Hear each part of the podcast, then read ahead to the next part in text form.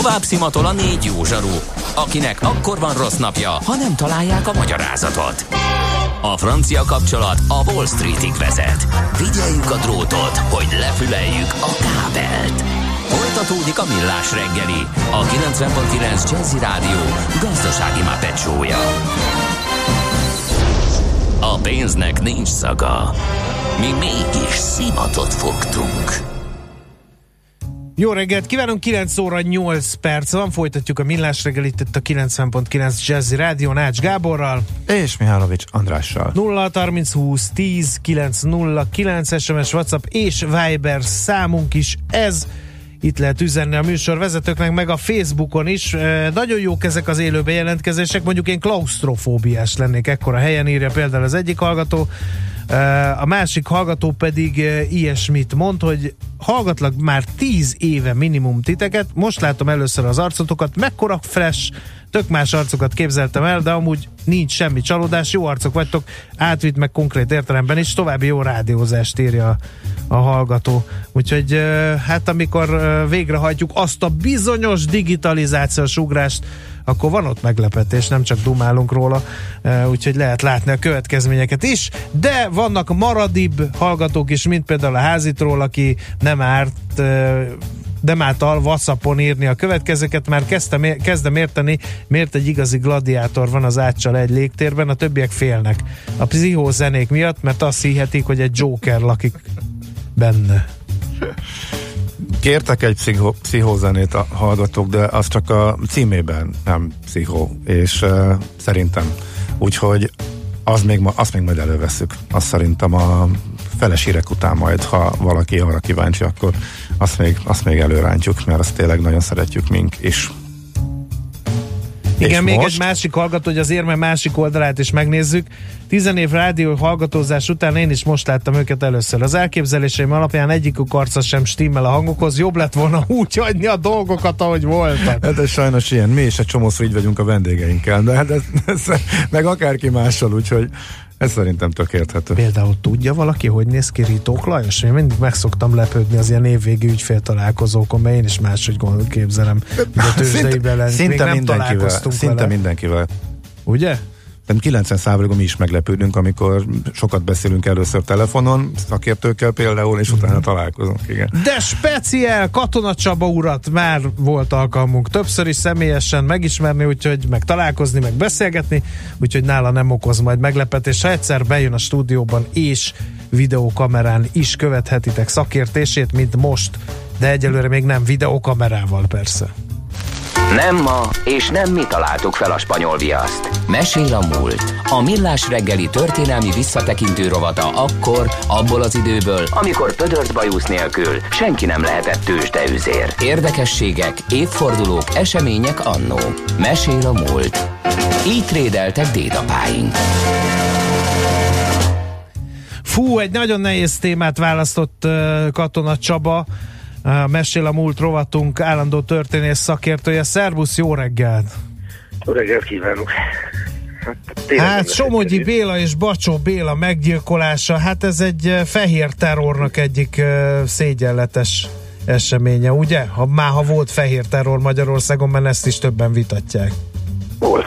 Ez, ez lehet ezt nem elvi alapon, gyakorlati alapon nem lehet. Tehát uh, egyszerűsítsük le a dolgot, már legalábbis az előzményeket. Ugye egy rettenetes időszakában vagyunk Magyarország történetének, túl vagyunk a világháború, széthullik a régi Magyarország, ugyanis Trianonnál mondják ki ugye a ország megcsonkítását, de az az ország az addigra már szétesett. Tehát már egyszer abban a formájában de facto sajnos nem létezett, és jön a vörös terror, és itt utána a fehér terror. Erről tényleg lehet citázni, olyan értelemben, hogy volt-e, hogy ezt a elnevezést alkalmazzuk-e de azt gondolom, hogy nem az elnevezésen múlik.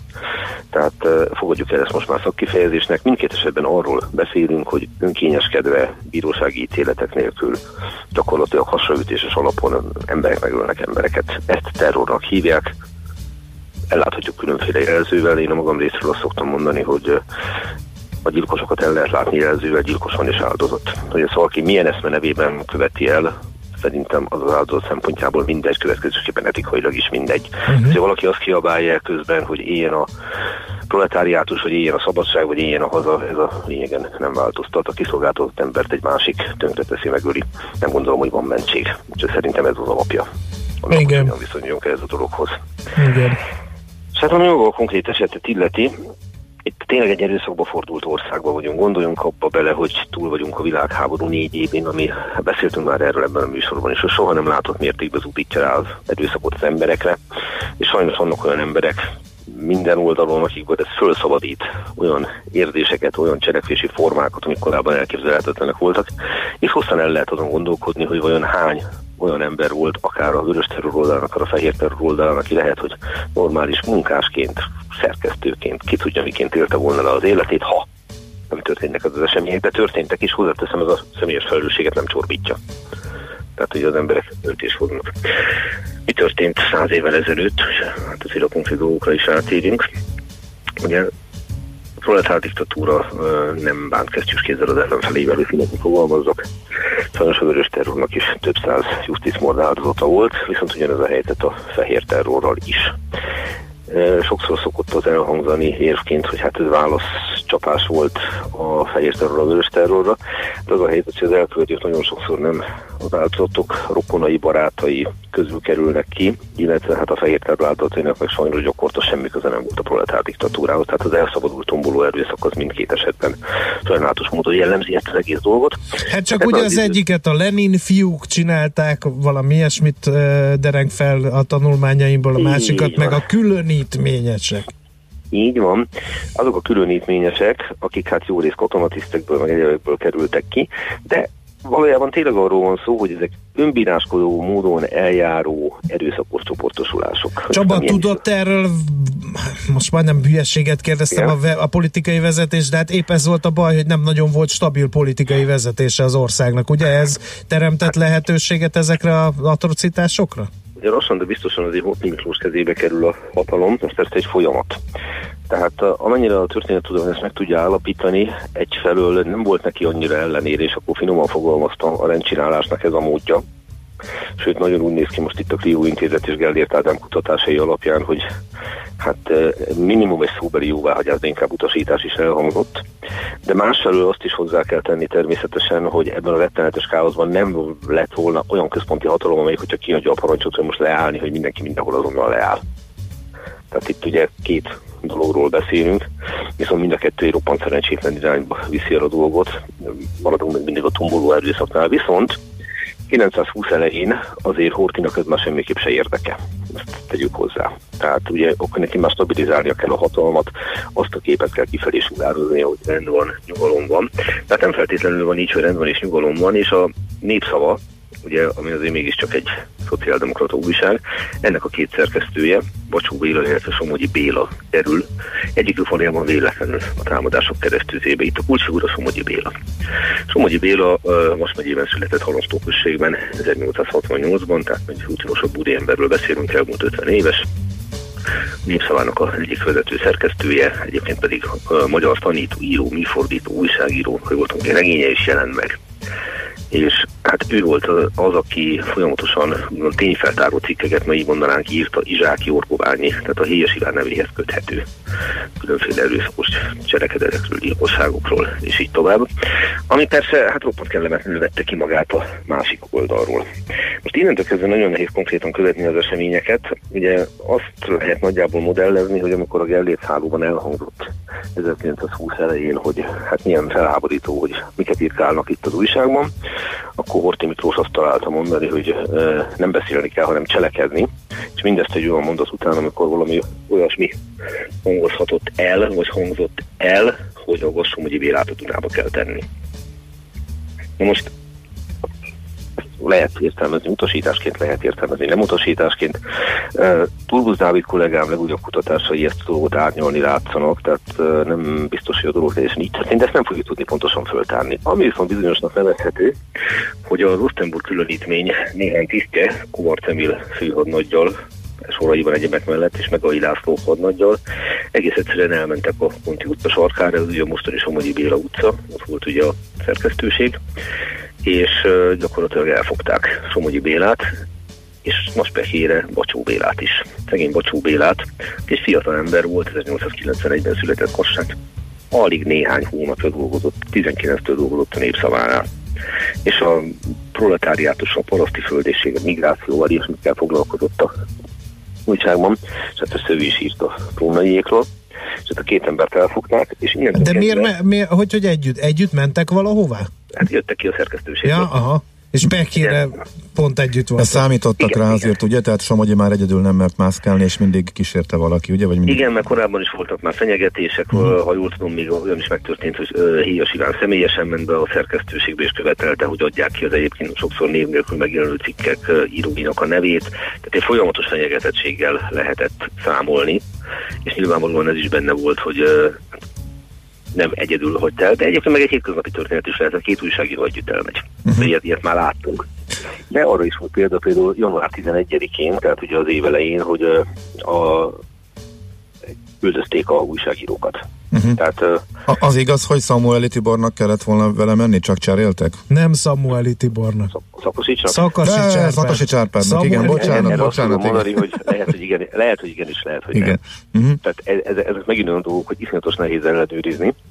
Hát tudjuk, hogy nem Szakosics ment vele, hanem szegény szerencsétlen bocsó. Na most két újságírót gyakorlatilag ott az utcán, hát nem tudom másképp fogalmazni, elfogták erőszakkal, és kivitték őket Újpestre valahol a Nagyjából ott modell lesz, de február 17-én vagyunk, 1920. február 17-én, és valahol a Megyeri Csárda és a fővárosi műzőek közötti része megkínozták, majd agyonlőtték őket, és a holtestüket a tunába vetették. Hát, később találták meg a holtesteket, ha jól tudom, Bacsó Béláét később, és Somogyi Béláét hamarabb. Így van, február 21-én került elő Bacsó Béla holteste, tehát ugye négy nappal később. Somogyi Bélát pedig egy rőzsétszedő asszony találta meg másnap a Dunapartján. Amit fel lehet tudni, hogy az ujjakat eltörték, összeszurkálták őket, valamelyiküknek a szemét is uh, kiszúrták, tehát mindent lehet mondani, csak azt mondom, hogy ez egy ilyen, mondjuk úgy, hogy hirtelen indulatban elkövető gyilkosság volt. Ez egy uh, szatista pszichopata gyilkosság volt, ezt nem tudom másképp ráírni. És hát az egésznek a, a folytatása is eredtentő, mert természetesen ebből óriási botrány lett. Ami ami roppant kellemetlenül érintette az új hatalmat is, de hát hogyan kezelték a dolgot?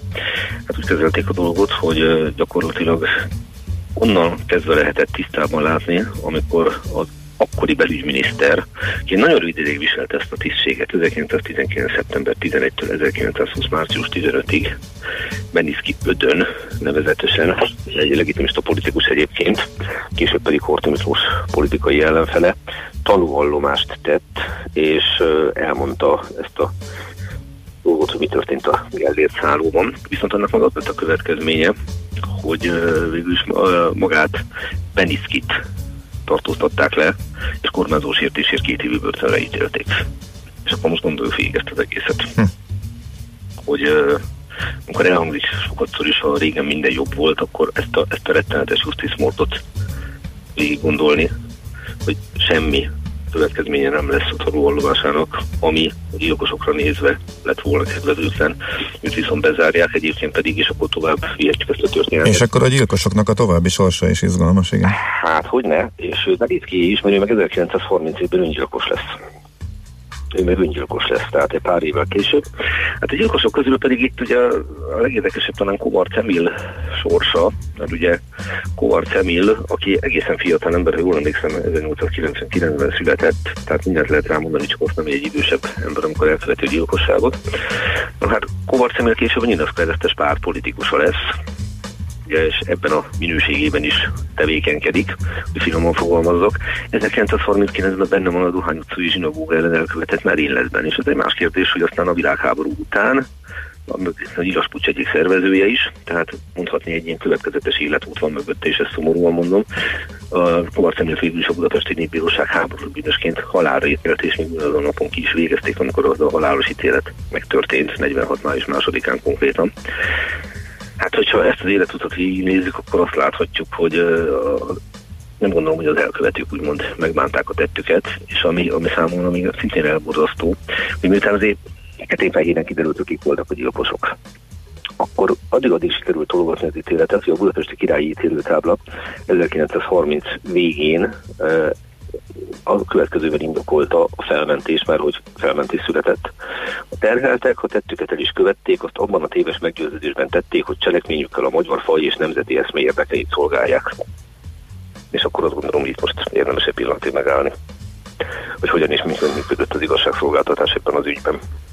És ezt itt nagyon szeretném elmondani, hogy ez nem jó vagy baloldaliság kérdése. Tehát uh, szerintem ennek semmi köze nincsen eszmékhez vagy ilyesmikhez, hanem nem egy égbe kiáltó igazságtalanságról beszélünk, egy rettenetes gyilkosságról, és arról, hogy aztán nem az áldozatokat, hanem a tetteseket mentegeti a magyar állam. Soha többet ilyen idők ne legyenek, ezt tudom kívánni. Hm. Így legyen. Tudsz valami pozitívat is a végére tartogatni, vagy ez volt az árszó? Egy dolgot tudok, eltelt száz év, és gyakorlatilag ma már meg tudjuk adni a végtisztességet mindazon embereknek, így, ért véget az élete. Sokat beszélgettek itt arról, hogy van ez a nemzet mártírői emlékmű, ugye ott a Kossuth tér sarkán. Igen, abból is elég komoly viták voltak, hogy kell-e az oda, mert ugye az a vörös terror áldozataira emlékezik az az obeliszk, igen, é, de mi van a fehér hogy... terror áldozataival, nekik van emlékmű? Pontosan ezt szerettem volna mondani, hogy a vörös terror áldozatai a nemzet mártírjai, de a fehér terror áldozatai is a nemzet mártírjai. Tehát ha megpróbálunk korrektül eljárni, és azt gondolom, hogy tisztelünk az áldozatok emléke előtt, akkor nem szabad azt megnézni, hogy ki milyen ideológia keretében sújtott le egy ártatlan emberre, nem csak is kizárólag az, hogyha már jóvá tenni nem lehet, vissza meg, megtörténhetetlenni nem tehetjük, akkor adjuk meg a tiszteletet mindenkinek, függetlenül attól, hogy milyen politikai eszme van az elkövetők mögött. Csak azt gondolom, hogy ez volna a helyes eljárás, remélem eljön az idő, hogy ez meg fog történni.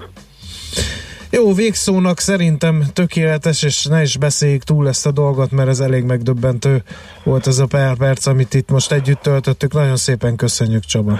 Én köszönöm a figyelmet, szervusztok. Szervusz.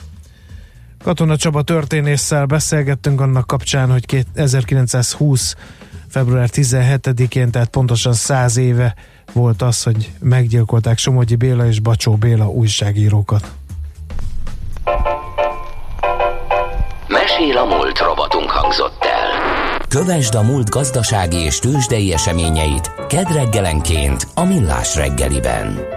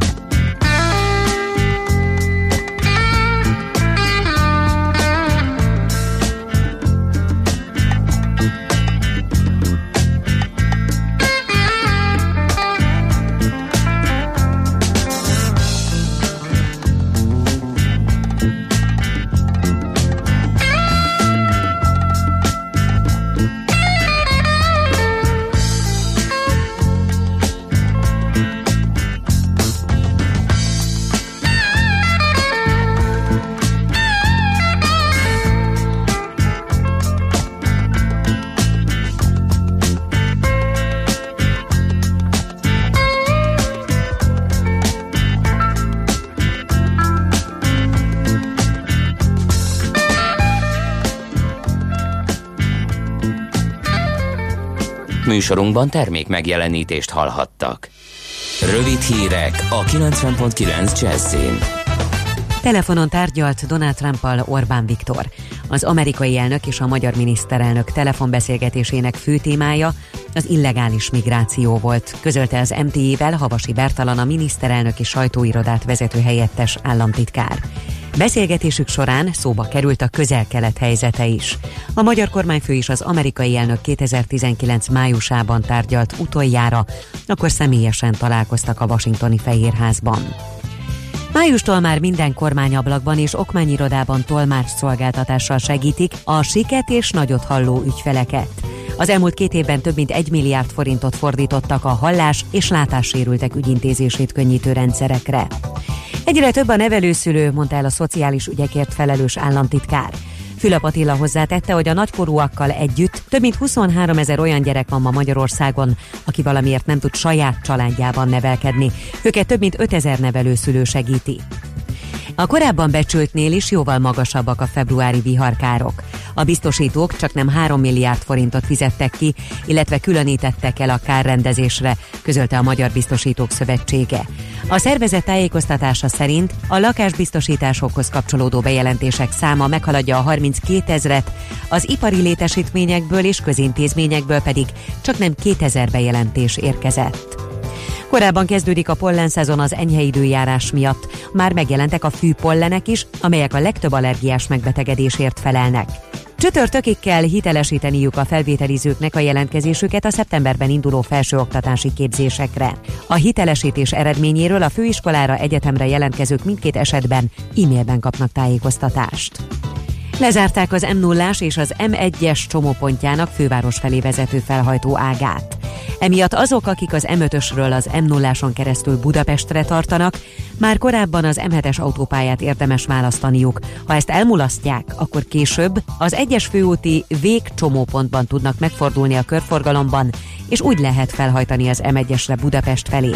A kijelölt terelő utat sárga táblák jelzik.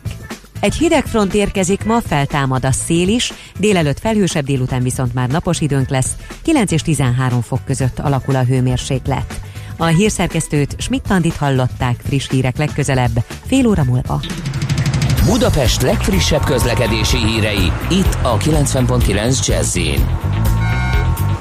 a fővárosban véget ért a helyszínelés a Kőbányai úton kifelé az Orci tér után a buszsávban. Megszűnt a forgalmi akadály az Erzsébet híd Budai híd főjében a Pestre vezető oldalon. A hatos főúton kifelé a Háros utcai felüljáró után a külső sávot egy műszkihibás jármű foglalja el. Baleset nehezíti a közlekedést a Gyömrői úton a Köér utca közelében. Akadozik az előrejutás a Rákóczi úton a Blahalúza térnél, a Nagykörúton a nagyobb csomópontoknál, a Kiskörúton a Szabadsághídtól az Asztória felé, a Szélkámán térre és a Clark térre vezető utakon. Lezárták a félútpályát a Budai alsó rakparton a Bertalan Lajos utca közelében, mert megsüllyedt az útpálya. A váltakozó irányú áthaladást jelzőlámpa szabályozza. Lezárták a harmadik kerületben az Aránd utcát a Kadosa utca és a Monostori út között, mert csatornát építenek. Szép csilla BKK Info. A hírek után már is folytatódik a millás reggeli. Itt a 90.9 jazz Következő műsorunkban termék megjelenítést hallhatnak. Kősdei és pénzügyi hírek a 90.9 jazz az Equilor befektetési ZRT szakértőjétől. Equilor, 30 éve a befektetések szakértője. Litók Lajos üzletkötő a vonalban. Jó reggel, szia! Sziasztok, jó reggelt, köszöntöm a hmm, hallgatókat. Mit látsz a piacon? Hogyan nyitott a tőzsde? A Bux Index jelenleg 45.225 pont, 250 pont környékén jár, ez enyhe 2,1%-os mínuszt jelent. A vezető részvények közül, ahogy látom, az OTP, OTP részvény árfolyama egy picit visszacsökkent, jelenleg 15.170 forinton kereskedik, viszont ahogy látom a MOL papírjaiban látok némi erőt, 2620 forinton áll most éppen a MOL árfolyama. A Richter továbbra is küzd a 7000 forintos szinttel, jelenleg most 6965 forinton kereskedik, Magyar Telekom papírjai pedig 453-456 forint között oldalaznak. Azt ne felejtsük el, hogyha jól tudom, akkor ma teszi közzé a vállalat az utolsó negyedéves eredményeit, és ez magyar idő szerint 4 órakor fog majd bekövetkezni, tehát még, még a kereskedési szakaszban, tehát 5 óra előtt. Uh-huh. A kisebb papírok közül van valami, Ó, még vannak azért, igen. Persze, ugye kisebb papírok közül, amit azt gondolom, hogy érdemes megemlíteni, egyfelől a Panergy, tegnap már beszéltünk Igen. róla, egy kicsit ma is tovább tudott erősödni, 746-748 forint között áll most az árfolyam, illetve tegnap kaptunk egy pozitív hírt az NFI házatájáról. Igen, meg is tépték rendesen azt a papírt, meg úgy tűnik, hogy most is megy tovább felfelé. Igen, így van. Tegnap ugye egy kedvező bírósági döntés született az NFI esetében. Ennek hatására ma tovább tudott emelkedni az árfolyam, de azt is lát, illetve az is látható, hogy némileg csapkod egyébként 424-430 forint között áll most a jegyzés. Mai napon egyébként elértük a 450 forintos szintet, és viszonylag magas forgalommal is teszi ezt a mozgást, hiszen valamivel több mint 73 ezer darab részvényt cserélt eddig gazdát. Uh-huh. Oké. Okay. Valami piacbefolyásoló tényező lehet, adat, hír, bármi, ami napközben jöhet, és esetleg jó vagy rossz irányba eltolhatja a kereskedés hangulatát? Én azt látom, hogy a mai nap folyamán igazából csak egyetlen uh-huh. fontosabb hír, illetve makroadat fog érkezni. Ez 11 órakor fog jönni a német SZEV intézet gazdasági aktivitását mutató indexérték. Nyilván ez az európai piacokat, főként a DAX indexet, illetve az eurodollárt mozgathatja meg. Ez utóbbi egyébként jelenleg az 1.0830-as szintnél jár, tehát némileg tovább gyengült egyébként az euró a dollárral szemben, illetve a forint is tudott gyengülni az euróval szemben. A tegnapi 3.34.50, 3.34.60-as szintről visszaemelkedtünk 3.36-ig, jelenleg 335 forint 90 fillért az euróforint középárfolyama, egy dollárért pedig 310 forint 20 fillért kell fizetni a devizapiacon. Jó, nagyon szépen köszönjük akkor a nap hátralévő részére jó kereskedés nektek. Köszönöm, nektek is, sziasztok! Szia! Ritok Lajos üzletkötővel beszélgettünk. Tőzsdei és pénzügyi híreket hallottak a 90.9 jazz az Equilor befektetési ZRT szakértőjétől. Equilor, 30 éve a befektetések szakértője.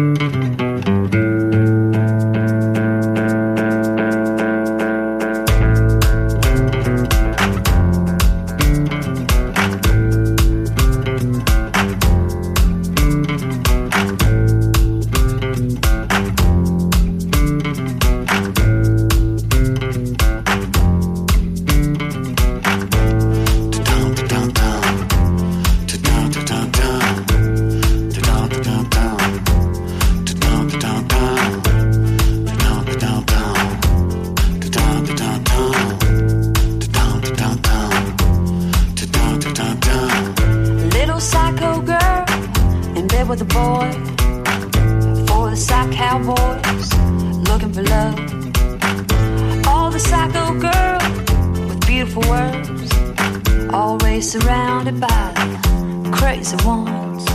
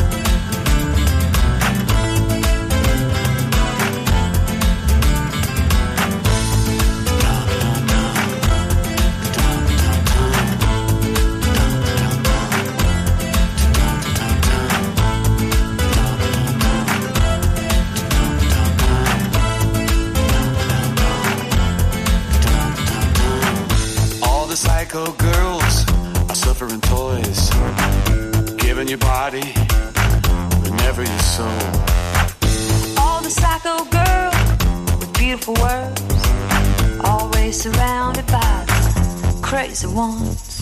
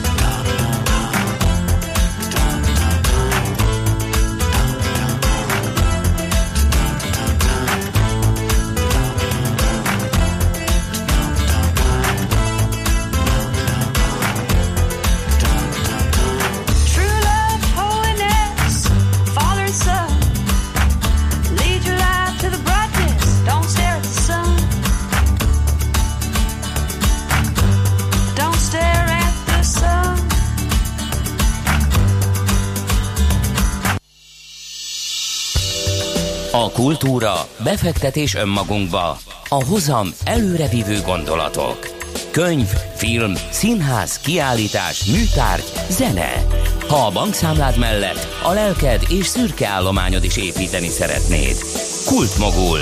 A millás reggeli műfajokon és zsánereken átívelő kulturális hozamgeneráló rovata következik.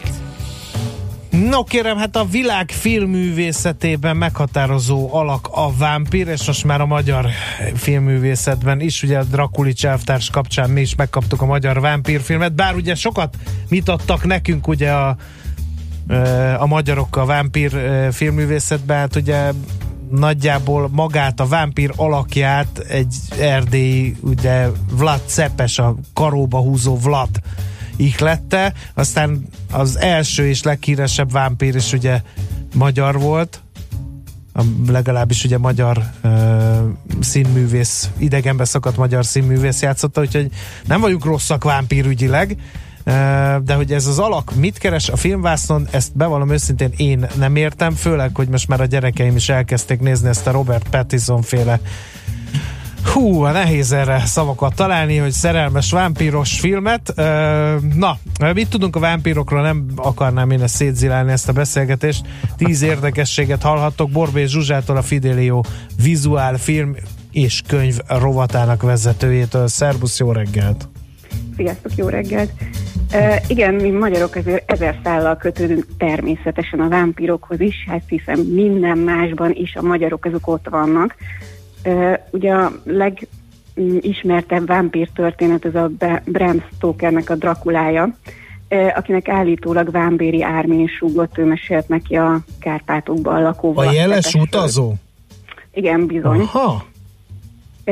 Mert hát ugye maga Bram Stoker egyáltalán nem utazott. Tehát, hogy ő üldögélt a londoni könyvtárban, és szorgalmasan könyvtárazgatott, és onnan írta meg a Kárpátok között, részben ugye a Kárpátok között játszódó Dracula gróf történetét. Na bum, Kármán se járt sose vagy nyugaton, és milyen jó Vinettu könyveket írt, mondjuk sírok tőlük időnként, de mindegy, hagyjuk ezt. Igen, valószínűleg az kellett hozzá, hogy a, a közönségesen nagyon utazott, tehát hogy mhm. akkoriban uh-huh. még így a, a különböző fapados járatok hiányában ez egy kicsit nehezebb volt, Vámbér Jármin viszont járt ugye mindenfelé, de hát sokan ezt vitatják, hogy igazából ő lett volna az, aki sugott. Van, aki azt mondja, hogy már készen volt ez a könyv, mire ők találkoztak, ha egyáltalán találkoztak. Uh-huh. De valóban a, a leghíresebb, vagy hát a legikonikusabb Dracula az ugye Lugosi Béla, aki az 1931-es univerzálféle feldolgozásban alakította a grófot, és hát szerencsétlen Lugosi az így egyáltalán nem tudta levetkőzni ezt a jellegzetes kelet-európai akcentusát, ami ugye mindenkinek, mivel mi is kelet-európaiak vagyunk, mindenkinek eléggé ismerős, de hogy ebből így egy brandet épített gyakorlatilag, tehát hogy ez a kelet-európából érkező grófhoz, ez így nagyon illett is, olyan elegáns volt, ezt most így utólag megítélni nehéz, de hogy ő akkoriban szexinek számított ezzel a gróf alakjával, tehát hogy ez uh-huh. a mhm. szexuálisan csábító szörny, az nagyszerűen illett az ő személyiségéhez, és ő szerencsétlen bele is ragadt ebbe rendesen, tehát egy ideig ott a 30-as években mint egy valódi szörny, tehát hogy a, a Drakulának ezt a komolyan vett e, alakját játszotta, és utána pedig, amikor a 60-as, 70-es években elővették megint ezt az alakot, akkor már saját maga karikatúráját egy idő után, és hogy mivel nem tanult meg rendesen angolul, ezért nem nagyon tudott mást játszani, úgyhogy ő egy kicsit így beleragadt egy baskatujába. Uh-huh.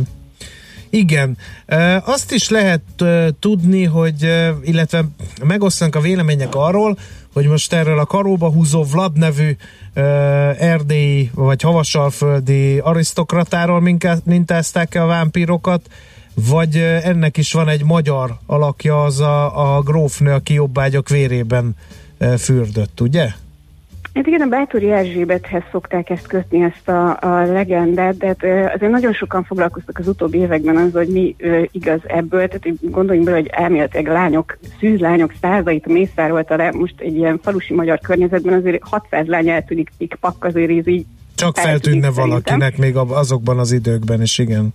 Igen, igen hát azóta a történészek azt mondják, hogy ez koncepciós per volt. Igen, tehát valószínűleg az történt, hogy a Bátori Erzsébetnek elhunyt a férje, és ezzel ő egy ilyen óriási birtoknak a tulajdonosa lett, ami nagyobb volt abban az időben, mint az uralkodói, és hát a e, Túróci Nándor azt szerette volna megszerezni ezt a birtokot, és koncepciós pert e, indította a hölgy ellen, és ennek az egyik eleme volt ez, hogy ő ilyen tisztátalan dolgokat művel itt a szolgálóival, meg a helyi lányokkal, és igazából ezt a petleset folytatták, meg nem is született ítélet, tehát hogy ez csak így elterjedtek a plegykák tulajdonképpen, viszont a saját szobájába befalaszták a szerencsétlen Bátori Erzsébetet, aki még négy évig élt ebben a befalazott szobában, amikor végre meghalt, mert úgy, úgy végre, hogy szerencsétlen a szenvedéseinek végére ért.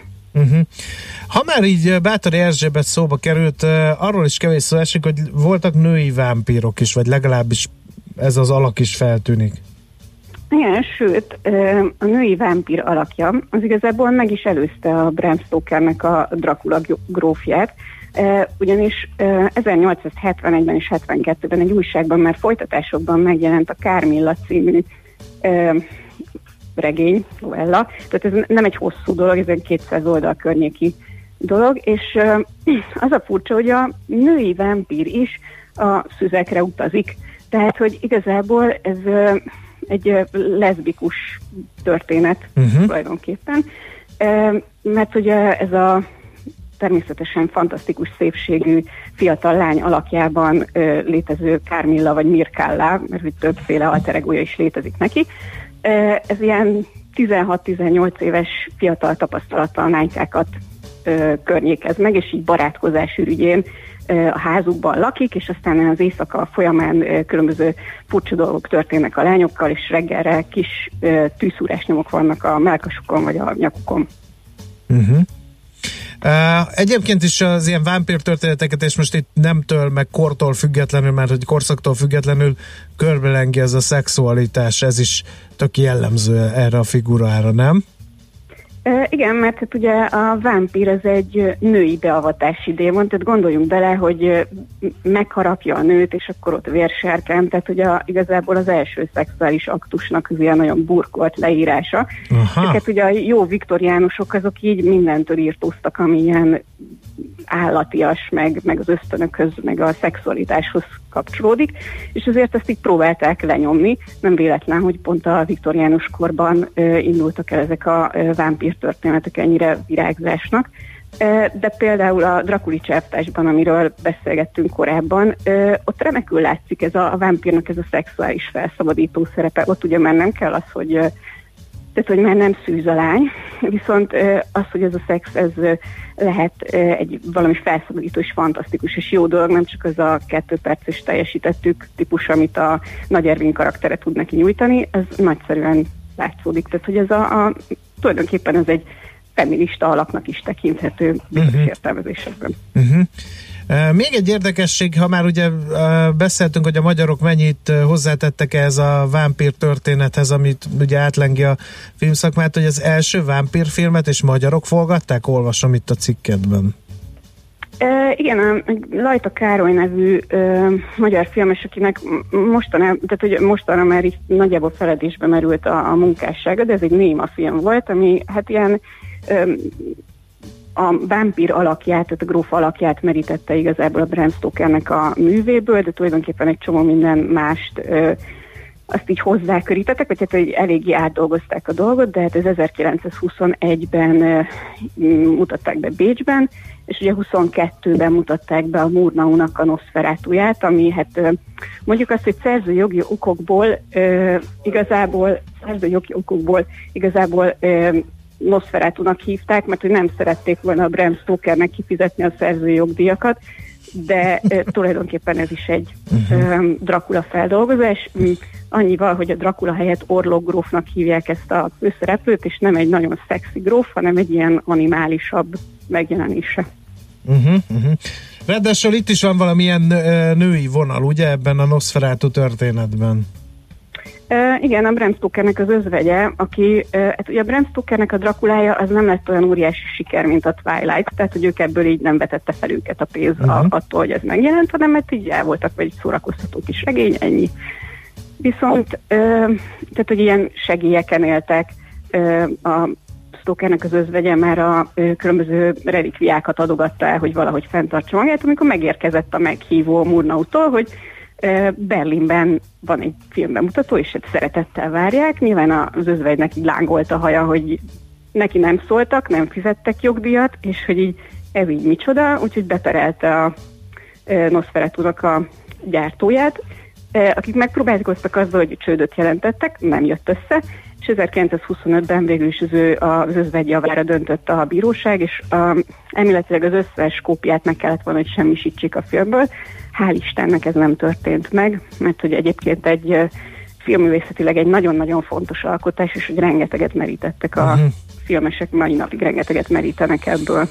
Az utolsó kérdés, hogy, hogy azért a karóba húzó Vlad az nem volt egy, hogy mondjam, egy elegáns úriember, Nosferatut sem tekinthetjük annak így a megjelenése alapján, de honnan ez, a, ez az arisztokratikus megjelenés, ez a végtelenül elegáns, nagyon úriember, amit már ugye Lugosi Béla alakja kapcsán elmondtál, de, de honnan jött az, hogy nem egy ilyen loncsos, loncsos, loncsos és bozontos kardos manusa erdélyi nemesi családból a, a vámpír, hanem egy kifogástalan angol úriemberre hajaz inkább az alakja.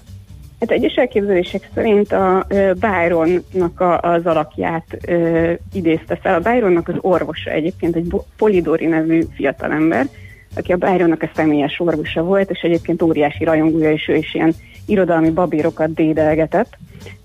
Hát eléggé sikertelenül, ráadásul a Byronnal is eléggé ellenmondásos volt a kapcsolata, amíg ő barátkozni akarta, Byron egy csomószor gúnyolódott rajta, és ezt a kettősséget írta meg a Vámpír című novellájában, ami ugyanakkor született, mint amikor ugye emlékszünk rá, hogy a Mary Shelley ez fogadásból írta a Frankenstein-t egy éjszaka alatt, amikor unatkoztak a Genfitó partján, a Shelley Byron és a Polidori is ott volt, akkor született meg a fejében a Frankenstein alakja, ugyanezen a termékenynek mondható éjszakán született meg a Vámpír című novellának az alakja a Polidorinak a fejében, aki a kenyéradó gazdájáról mint ezt, ezt az iszonyú szexi, és ugye a Byron akkor volt a sikerei teljében, így iszonyú elismert költő volt, nők, pénz, minden lábai előtt hevert, és ez alapján alkotta meg ezt az arisztokratikus vámpírnak a figuráját.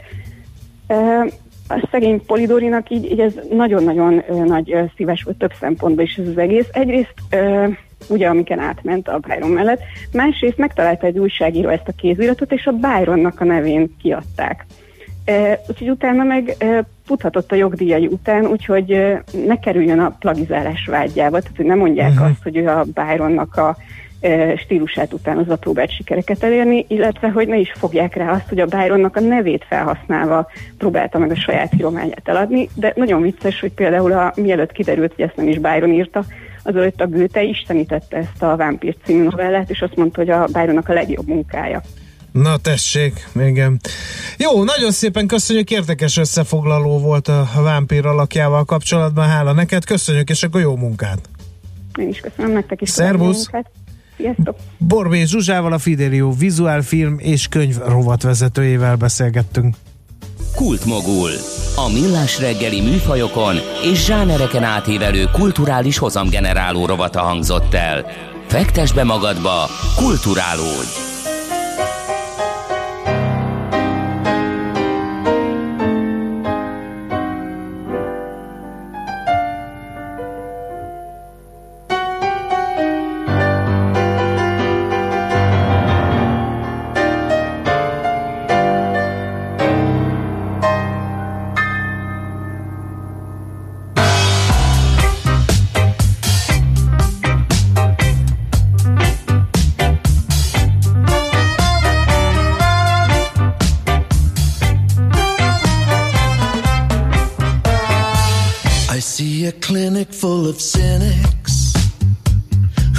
to twist the people's wrists. They're watching every move we make. We're all included on their list. The lunatics have taken over the asylum. The lunatics have taken over the asylum. Go nuclear, the cowboy told us.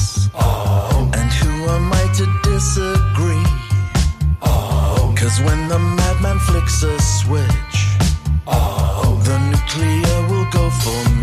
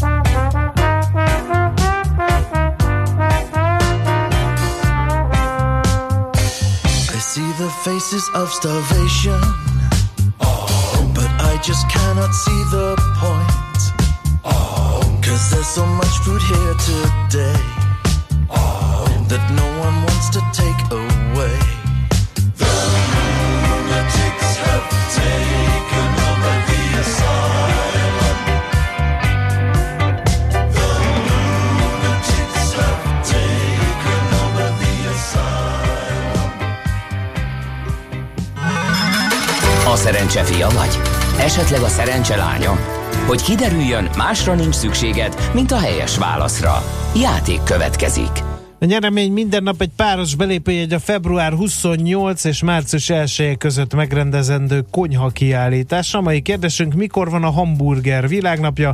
A. január 17, B. május 28, vagy C. június 22. A helyes megfejtéseket ma délután 16 óráig várjuk a játékkukac jazzy.hu e-mail címre. Kedvezzem ma neked a szerencse!